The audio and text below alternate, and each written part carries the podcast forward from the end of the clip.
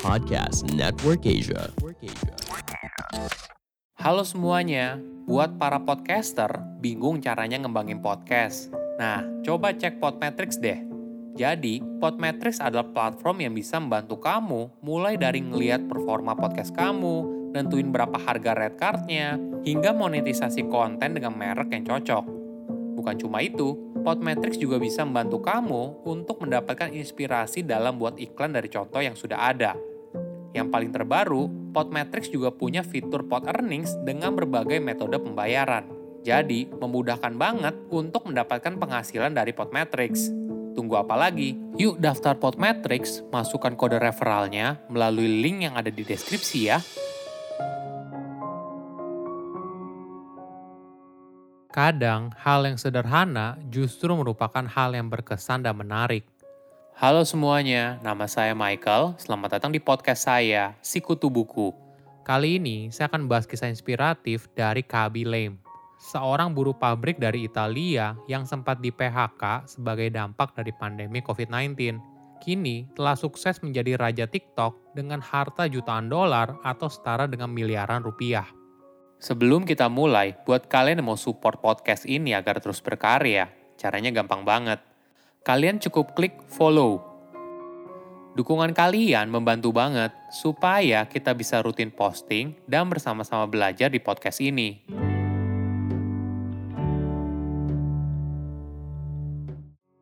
Kabi Lem lahir pada tahun 2000 di Senegal. Namun, pada usianya setahun, orang tuanya pindah ke Italia dia dikenal berkat video komedi singkatnya di TikTok, di mana Kabi secara sarkas menunjukkan kenapa seorang persulit sebuah hal sederhana. Jika kamu penasaran video Kabi seperti apa, coba buka hashtag Learn from Kabi di TikTok. Kamu akan melihat banyak video komedi yang menghibur. Misalnya, seperti video yang berisi cara elegan untuk buka pisang dengan pisau, memotong bagian ujungnya satu persatu, lalu memotong kulit pisang, baru kemudian memakannya. Kabi lalu menunjukkan cara makan pisang yang umum, yaitu dengan membuka pisang dengan tangan, memakannya, lalu dengan ekspresi bete tanpa suara, memperlihatkan cara makan pisang yang normal. Contoh video lainnya seperti sebuah perusahaan yang sedang mempromosikan keunggulan dari kamera samping di mobil, agar orang yang duduk di kursi penumpang bisa melihat apakah ada kendaraan di belakang atau tidak sebelum buka pintunya. Kabi lalu menunjukkan kalau hal ini bisa dilakukan hanya dengan buka kaca dan melihat ke belakang baru kemudian buka pintu mobil tanpa harus membeli alat tambahan tersebut. Video komedi jenis ini membuat Kabi menjadi pria dengan jumlah follower TikTok terbanyak di dunia.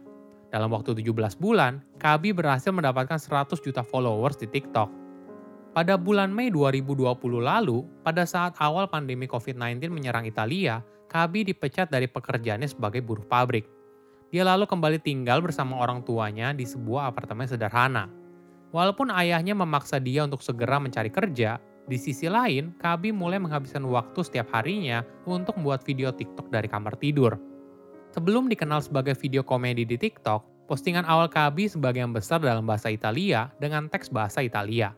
Dia mengaku kalau wajah dan ekspresinya yang datar membuat orang lain tertawa. Bagi Kabi, ekspresi kesalnya tanpa berbicara ibaratnya menjadi bahasa global yang dimengerti oleh orang dari berbagai belahan dunia – jika kamu menonton video dari Kabi, kamu akan sadar kalau video yang dibuat tidak menggunakan peralatan yang canggih, namun hanya sebuah handphone dan ide yang kreatif. Inilah yang membuat konten yang diproduksi oleh Kabi terasa begitu natural dan membuat ratusan juta orang menyukainya. Mungkin hal ini juga yang dirindukan oleh banyak orang di dunia. Kadang kita lihat, di dunia maya segalanya terlihat begitu sempurna, berisi banyak pencapaian pribadi seseorang, jalan-jalan, hingga menjadi ajang pamer kekayaan. Namun di luar semua itu, netizen mungkin butuh sesuatu yang berbeda dan terlihat begitu nyata. Di sinilah yang buat Kabi tampil berbeda dan berhasil memikat hati ratusan juta orang di dunia.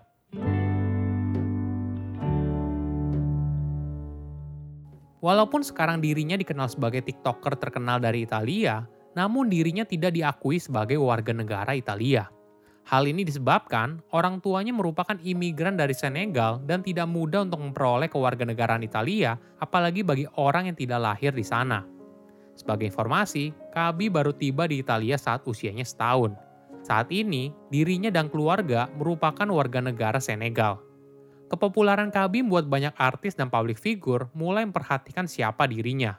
Sebagai contoh, pendiri Facebook Mark Zuckerberg pernah mengomentari salah satu posting Kabi di Instagram dengan emoji jempol. Di lain kesempatan, Kabi pernah muncul bersama legenda sepak bola Alexandro Del Piero dari tim kesayangannya yaitu Juventus. TikTok telah mengubah hidup Kabi. Dia memiliki banyak penggemar di Brazil dan Amerika Serikat. Bahkan, Dirinya sering dibicarakan di televisi nasional yang ada di Senegal yang merupakan tempat dirinya dan keluarga berasal. Di YouTube, kamu akan melihat para fans yang membuat kompilasi video Kabi dari TikTok dan mencapai puluhan juta views. Dalam kehidupan sehari-hari, Kabi bercerita kalau sering kali ada beberapa fans yang datang menghampirinya dan mengajaknya untuk selfie. Wajahnya yang tanpa ekspresi juga sering kali dijadikan meme di media sosial.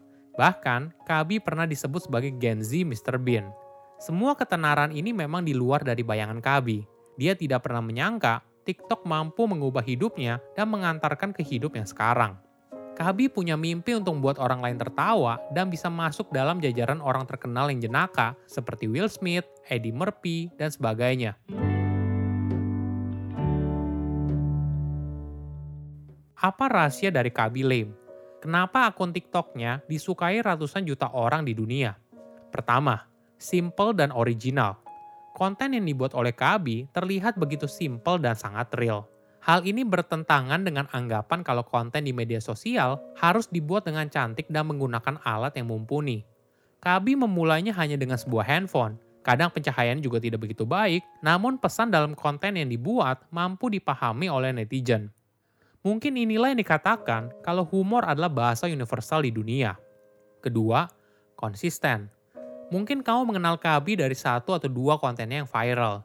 Namun sebelum konten tersebut viral, dia telah membuat puluhan bahkan ratusan konten sebelumnya. Ini yang perlu kita pahami. Sesuatu yang kelihatannya instan sebenarnya tidak seinstan itu. Ada proses panjang di baliknya. Ketiga, ide awal tidak sempurna. Kabi tidak langsung terpikir untuk membuat konten komedi dengan gaya muka datar seperti sekarang. Sebelumnya, dia sempat mencoba berbagai jenis konten, dari konten berbahasa Italia, hingga akhirnya dia menemukan tipe konten yang cocok dan klik dengan netizen, yaitu konten tanpa suara, hanya wajahnya saja yang datar dan menjelaskan hal yang rumit dengan sederhana. Keempat, mengubah krisis menjadi peluang. Pada awal pandemi COVID-19, dirinya sempat terkena pemutusan hubungan kerja. Kabi akhirnya menjadi pengangguran dan kembali ke rumah orang tuanya. Kondisi ini ternyata merupakan peluang bagi dirinya. Mungkin saat itu dia tidak merasakan peluang ini. Namun, PHK ternyata memberikan dia banyak waktu untuk mengerjakan proyek terbaru. Salah satunya yaitu dengan rutin buat konten TikTok setiap hari hingga akhirnya proyek ini mengubah hidupnya. Kelima, era digital membuka banyak kesempatan. Era digital memberikan banyak orang kesempatan.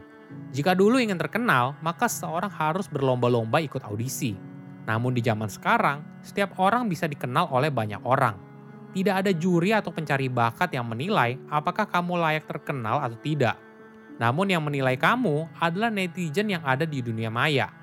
Mereka akan memilih apakah mereka akan follow, like, atau komen di akun media sosialmu. Jika konten kamu menarik perhatian mereka, maka perlahan-lahan kamu membangun popularitas hingga akhirnya kamu bisa diundang ke televisi dan menjadi artis sungguhan ini adalah kesempatan yang tidak dimiliki oleh generasi sebelum ada media sosial. Ketika kita fokus dan konsisten mengerjakan apa yang kita sukai, maka tanpa kita sadari, keajaiban akan muncul. Saya undur diri, jangan lupa follow podcast Sikutu Buku. Bye-bye. Pandangan dan opini yang disampaikan oleh kreator podcast, host, dan tamu tidak mencerminkan kebijakan resmi dan bagian dari podcast Network Asia. Setiap konten yang disampaikan mereka di dalam podcast adalah opini mereka sendiri dan tidak bermaksud untuk merugikan agama, grup etnik, perkumpulan, organisasi, perusahaan, perorangan, atau siapa pun dan apa pun.